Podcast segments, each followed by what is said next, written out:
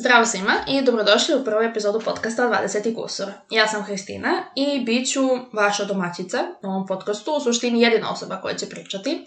Mm, samo hoću da kažem par stvari o tome zašto sam odlučila ipak da snimam ovaj podcast, a to je zato što smatram da mi mladi ljudi nismo shvaćeni dovoljno ozbiljno i da definitivno naši životni problemi, ako tako mogu da kažem, i naši događanja naša životna nisu dovoljno predstavljena na neki način koji ja smatram da bi, na koji bi trebalo da budu predstavljena, sa ozbiljnošću s kojom bi trebalo da budu predstavljena i iskreno realističnim predstavljanjem. Tako da je to razlog što sam ja odlučila da snimim ovaj podcast podcast i da pokrenem uopšte ovaj podcast u kojem želim da pričam o svim stvarima koje su vezane za život sa 20. kursom kao što naziv ovog podcasta kaže. E, kada sam dobila ideju za ovaj podcast, e, ja sam odmah napisala intro koji mislim da dobro pokazuje u suštini šta je to o čemu ja želim da pričam i koja je moja perspektiva sa kojom dolazim nisam se odlučila za njega zato što je malo duži, ali žela bih da sa vama svima podelim. Kaže ovako. nišli kao 20. kusur, koja pokušava da naviguje život u kome treba da završi fakultet u roku, partija petkom i subotom, dok odjednom ne postane prestara za opijenje u javnosti, radi na svojoj karijeri kako bi bila iznad proseka, ali ne iznad svog budućeg partnera,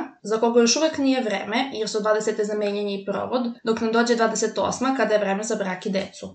Dovoljno stara da sedi za stolom sa odraslima, ali nedovoljno da joj se glas ceni jednako, jer još uvek nema tog životnog iskustva. Na kraju, samo jedna devojka koja je pokušala da svoj život živi autentično i da se izbori za sebe u svetu koji daje svu slobodu, ali ipak ne baš toliko slobode.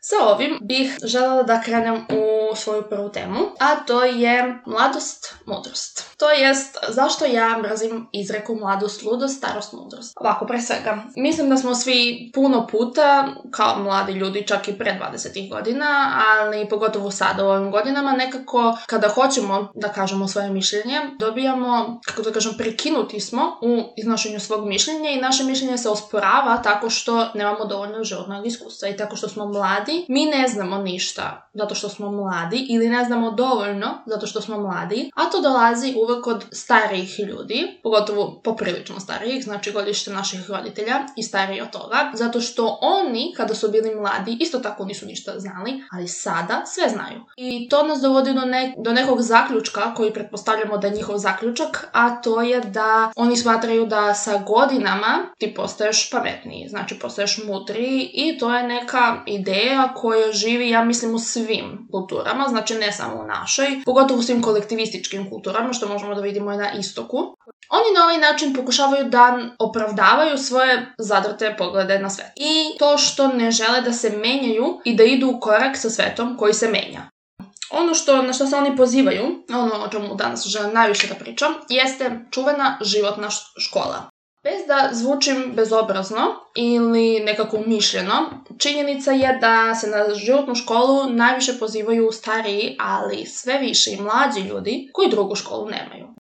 Ja definitivno mislim da je životno iskustvo najbitnije u životu. Znači, tvoje životno iskustvo je nešto što tebe oblikuje kao ličnost, ali životno iskustvo nije međusobno isključivo sa drugim, sa, na primjer, eduko, edukacijom. Edukacija je deo životnog iskustva. Fakultet i školovanje je deo životnog iskustva. Nije životno iskustvo samo ono što se kaže iskustvo na ulici.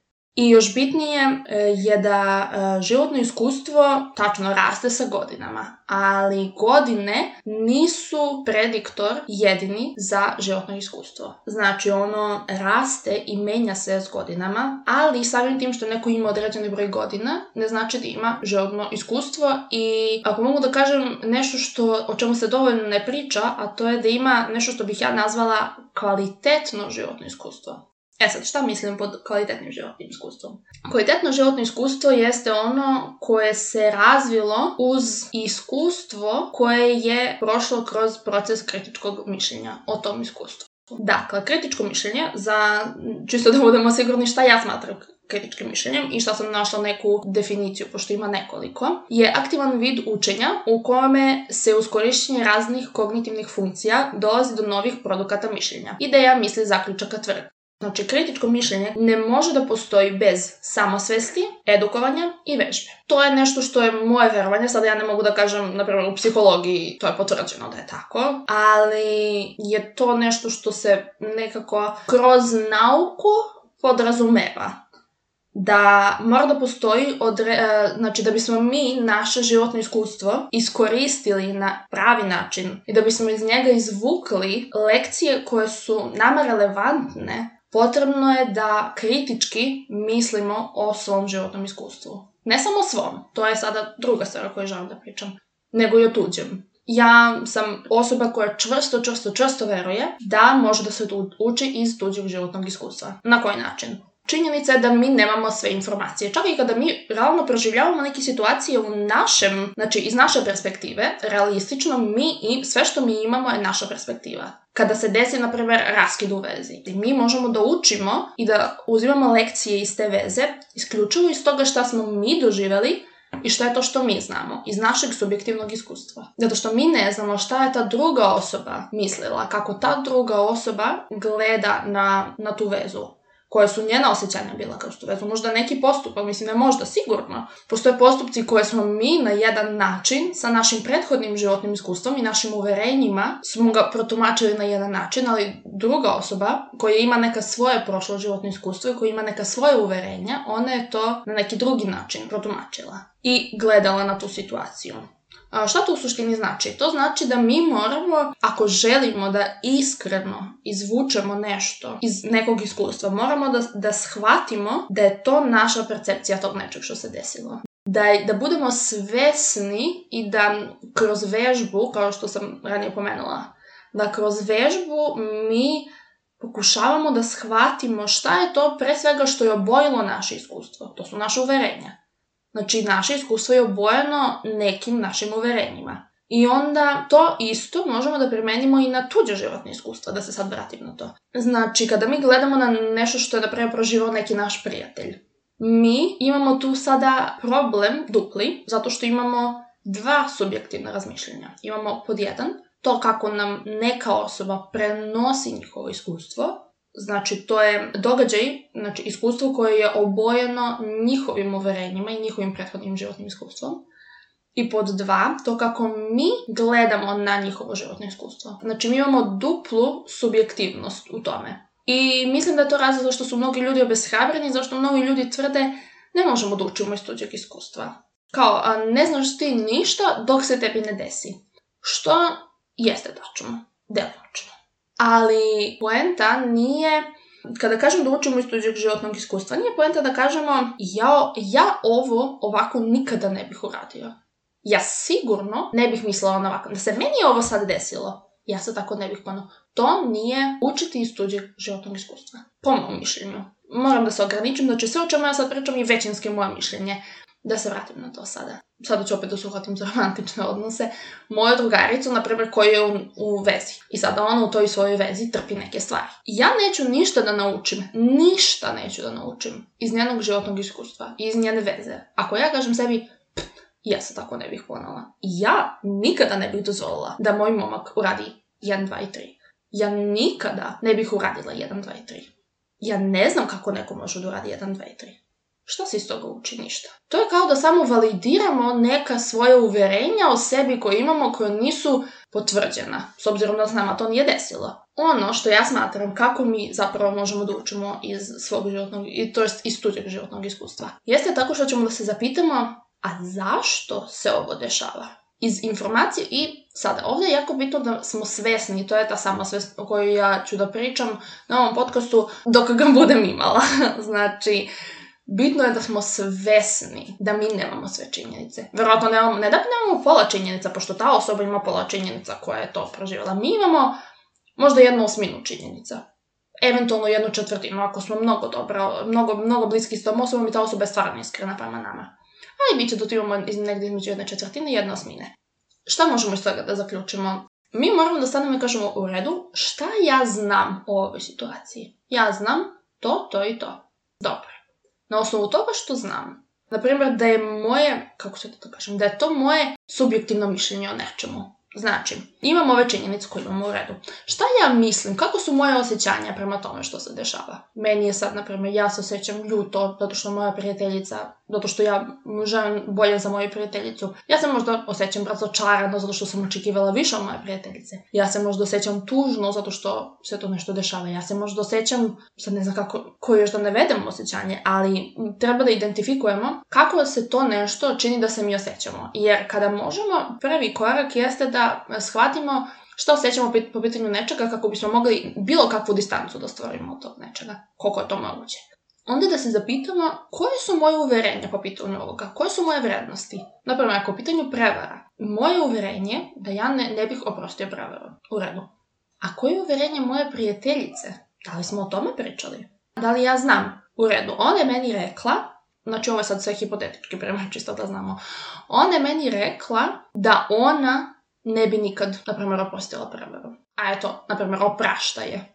Pa onda treba da se zapitamo dobro, koji još tu faktori postoje? Naprimjer, postoji faktor toga da ona ima nekog primjer da je to njen prvi ozbiljni momak koga ona mnogo voli. Da ona, naprimjer, možda ima neke probleme u porodici zbog kojih ona ima niže samopouzdanje. Znači, suština svega ovoga sada jeste da postoji način da se uči iz tuđeg iskustva, ali tako što ćemo mi da se trudimo da analiziramo to iskustvo, a ne da sudimo o njemu. Tako što ćemo mi da se zapitamo, znači možda je to slučaj, pa sljedeći put kada budemo pričali sa njom, možda ćemo da, da razmislimo koja pitanja možemo da joj postavimo, da mi nju bolje razumemo. Možda ćemo da je pitamo, ti si svesna da se te i te stvari desile, zbog čega si ti spremna da pređeš preko toga? Znači suština, ako mi sudimo sada svakome, mi ništa nećemo da postignemo tog u životu ko je suštini lekcija sad ovo sve što sam navela prema? Koju lekciju na mi iz toga izlačimo? Izlačimo lekciju iz toga da nisko samopouzdanje može da dovede da osoba čini stvari koje inače ne bi činila. I da prihvata stvari koje inače misli da ne bi prihvatala, zato što je, na primjer, dovode do stanja očajanja. Ili možda u njoj izazivaju strah da nikad neće da nađe takvu osobu. Nama to ne mora lično da se desi, da bismo mi mogli da shvatimo da je to moguća opcija. Nije jedina, to je jako bitno, ali je moguća opcija naravno da to iskustvo nekako m, mm, sada zavisi kako vi gledate na to. Na primjer, ta iskustva su sa mnom ostala, Ta koja sam imala i iz kojih sam tudih iskustava učila. Uvijek su ostajala sa mnom ne isto kao što su ostajala neka druga koja su bila moja, ali ja ih i dalje imam tu u svesti, imam ih u prstima. Onda sam ih spajala sa nekim svojim iskustvom, prema što je slično sa nekim mojim iskustvom koje sam ja doživjela ili neka druga osoba kada doživi slično to. Pa ja stanem pa se zapitam, u redu, zbog čega se reakcije ove osobe i reakcija ove druge osobe na istu, na sličnu, ne ne postoje dve situacije, na tu sličnu situaciju razlikuje. I to je u suštini način kako mi možemo da stičemo, pa nema bolje reći od mudrosti, iskreno, da gradimo neko svoje razmišljanje, svoje znanje, svoje životno iskustvo. Ali ne tako što ćemo da sudimo. Ja mislim da mnogi stariji ljudi sa kojima ja pričam nisu izgradili tu kulturu kritičkog mišljenja i nisu izgradili tu kulturu pokušavanja da razumeju, a da u isto vrijeme su svesni da to što oni misle moguće da nije tačno. Iskreno, to je jako teško da ti staneš i da kažeš sebi možda ovo što ja mislim, možda to uopšte nije tako. Možda ja sam skroz, ono što kažem, ono, izmislila sam. možda sam stvarno izmislila. Ali ono što je bitno jeste, ja mislim da stariji ljudi, razlog zašto oni toliko potenciraju na tom nedostatku, e, tome kako mladi ljudi su ludi, pre svega zato što su ih to naučili i oni su to poverovali, broj dva zato što, moje mišljenje, ne znaju kako da prihvate greške koje su napravili u mladosti i kako da se nose sa odlukama koje su napravili u mladosti i oni ih pripisuju toj ludosti mladalačkoj. I toj neozbiljnosti i tom neiskustvu. To je, to, to je sada moje mišljenje. Da je to veliki, veliki faktor. Da ti ne možeš da kažeš u redu da se prepiše nešto u svom neiskustvu. Ja sam, sam Bog zna, ja i verujem svi vi, svi smo mi, imamo neke stvari u prošlosti kojih ne želimo da se sjećamo i koje onako blam je samo da pomislimo na to. I onda kažemo sebi, jo bože, kako, kako sam ja bila glupa, neiskusna tad. I to je u redu. Ali nije u redu da kažemo da su svi ljudi koji su u tom periodu bili tih, znači godina, ono, koji su tih godina, su glupi neiskusni. I ludi, pod zacima navoda. Kao da je to neka karta koja se daje mladim ljudima da oni prave gluposti iz kojih ne moraju da uče, zato što će da uče o nečemu kad budu stariji, treba da budu ozbiljni i samo u jednom trenutku, to je ono što sam, što sam, što sam napisala bila, kao da partijaš do 20. godine i da menjaš momke, ali u 28. godini odjednom je vreme da se ti uduše da stvoriš porodicu. Ali da se to iz generaciju u generaciju nekako prenosi.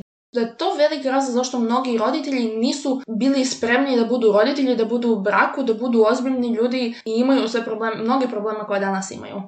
Zato što su mislili da im je u mladosti dozvoljeno da rade svašta, a da ne odgovaraju za svoje postupke i da ne uče iz svojih postupaka zato što su ih prepisivali na ludost. I da će nekada u budućnosti, kada budu stariji, da im dođe ta pamet. Odakle će da im dođe? Da im padne s neba. Da im je Bog podari. Ne znam, probudit će se jedno jutro i bit će odjednom prosvešćeni neće. Mislim, život tako ne funkcioniše. To je moje, to je, to je moje uverenje. I to je ono kako ja živim. Možda vi mislite da ćete u 31. godini odjednom da se probudite i da budete spremni, da budete odrasla osoba i zrela osoba, ali ja ću da vam kažem, možda će to nekome da se desi. Sigurno će to nekome da se desi.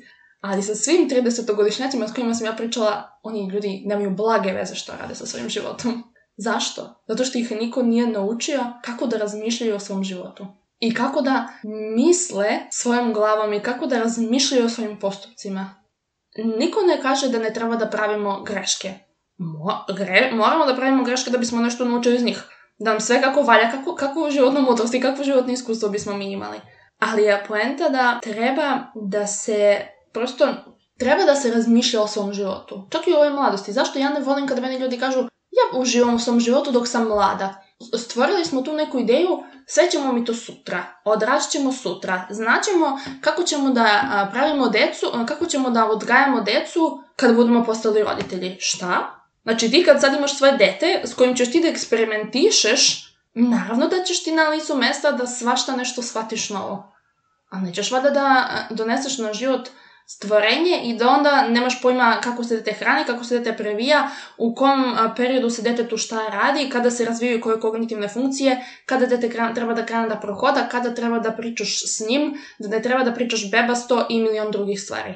To možeš da se edukuješ o tome. Možeš da razmišljaš takođe sad u ovim godinama. Nema razloga zašto ne bi razmišljao sutra ako ja imam dete, koje vrednosti ja želim da naučim svoje dete nikad nisi previše mlado da tako nešto razmišljaš. Ne moraš ti obsesivno da razmišljaš o tome. Ali nemojte da vas zaveravaju da ćete odjednom da shvatite ceo svoj život. Niste ga shvatili od 20. do 28. godine, pa ćete u 29. godini da skapirate ceo svoj život odjednom. Makad. Nemojte da vas lažu. Isti ti koji su lagali drugi da će to da bude tako. I njima se nije tako desilo. Pogledajte svoje roditelje i pogledajte koliko oni nemaju pojma šta rade u svojem životu pola vremena. I koliko ne umeju da budu sa sobom. Zašto? Zato što ih niko nije naučio da razmišljaju o svojim postupcima i o tome što im se dešava u životu. Već prosto živi ti život, troši pare, pogotovo što su naši roditelji rođeni u Jugoslaviji. To, neću da, to će da bude posebna epizoda za sebe.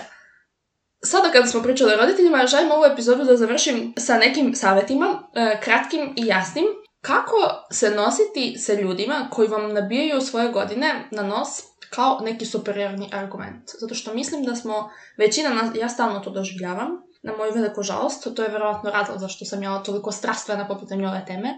Ali za sve one moje pale borce, ako tako mogu da kažem, saborce, koji imaju iste probleme kao ja, evo životne mudrosti iz mog životnog iskustva da naučite. Tri stvari koje ne treba da radite. Nemojte da se svađate. Nemojte da se branite i nemojte da uđete u zamku pretjeranog objašnjavanja svoje perspektive. Nemojte to da radite. A šta ćete da radite? Evo ovako, imam pet, pet koraka. Prvi korak. Validirajte životno iskustvo te druge osobe i njihovo mišljenje. Kroz rečenice, na primjer, ja razumem da ti tako vidiš to, meni je potpuno jasno, ti imaš toliko godina, to si sve doživao u životu meni je jasno i ja poštujem tvoje mišljenje. Broj 2. Objasnite da ne postoji samo jedan način gledanja na nešto. Ovako, primjer. Meni je jasno da ti to tako misliš, ja to poštujem tvoje mišljenje, ali prosto ovo nije tema koja je potpuno koja ima neke činjenice, ove tema koje je poprilično diskutabilna, koji možemo da imamo različito gledište na tu temu. Broj 3. Validirajte svoje životno iskustvo i svoje mišljenje. To će da glasi nastavak ovako. Ja također, sa time što sam ja doživjela u životu i time što ja razmišljam, tako, školu koju posudujem, nebitno šta, imam neko svoje mišljenje koje ja smatram da je validno i ja želim, kao što ja poštujem tvoje mišljenje, Smatram da bi ti trebalo da poštuješ moje mišljenje iako se mi ne slažemo. Sada sam ušla u četiri. Broj četiri. Zaključite da je moguće da postoje različiti, različiti pogledi na stvari od kojih nijedan nije fundamentalno netačan. To će da znači nastavak glasi ovako. Kao što ja poštujem tvoje mišljenje, ja bih voljela da ti poštuješ moje mišljenje isto kao što ga ja poštujem. Mi prosto živimo različite živote, imamo različite životne iskustva i imamo prava da se prosto ne slažemo na određenu temu. I broj pet, promenite temu. Nemojte da se obeđujete. Nemojte da ulazite u objež... Mislim da je to, to je vjerojatno najgora svega. Kada krenete, ja sam to uradila prošle godine i tada mi je sve stvarno kliknulo. Kada sam ušla toliko u tu situaciju. Da ja pokušavam 40 minuta, otprilike 30-40 minuta, da ja objasnim nekome zašto ja mislim to što mislim i da ja imam pravo da mislim to što mislim i da je normalno da se njihovo viđenje i moje viđenje razlikuju jer su oni odrasli u Jugoslaviji, ja sam odrasla u Srbiji nakon bombardovanja 99. godine, znači mi smo živjeli dva različita života, oni su živjeli 60 godina, ja da živim 20 godina, oni će da žive daj Bože još 30 godina, ja treba da živim još 60 godina. I onda sam ja ušla u taj ciklus i to te ne pušta, oni prosto ne validiraju. Znači, vi prosto validirajte njihovo, validirajte svoje mišljenje, kažete, moguće, nesuglasice su normalna stvar, sve je to ok, prosto slažemo se da se ne slažemo, možemo li sada da promenimo temu jer očigledno ova diskusija nije, neće ničemu da vodi. Mislim da je to lek i najbolje je da u suštini kada znate da nešto ne možete da da, da nećete da se poklopite, da uopće ne pričate o nečemu. To je najbolje. Da prosto e, potpuno, da, odmah odete na korak pet, a to je promeni temu. To je najbolje, ali ako već ne možete ili ako je nešto gde mislite da možete da postignete nešto, pa onda skapirate da ne možete, odostanite. Čim trenutka kad skapirate da nema poente, nemojte da vodite više tu diskusiju. To je to za ovu epizodu. Nadam se da vam se dopalo to što sam imala da kažem i e, čujemo se u sljedećoj epizodi. Ako imate Žela bih da čujem vaše mišljenje, tako da ako imate nešto da doprinesete razgovoru, pišite u komentarima ispod ove epizode ili prosto meni možete na Instagramu, ja ću dostavim sve linkove ispod epizode, tako da to je to. Čujemo se u sljedećoj epizodi.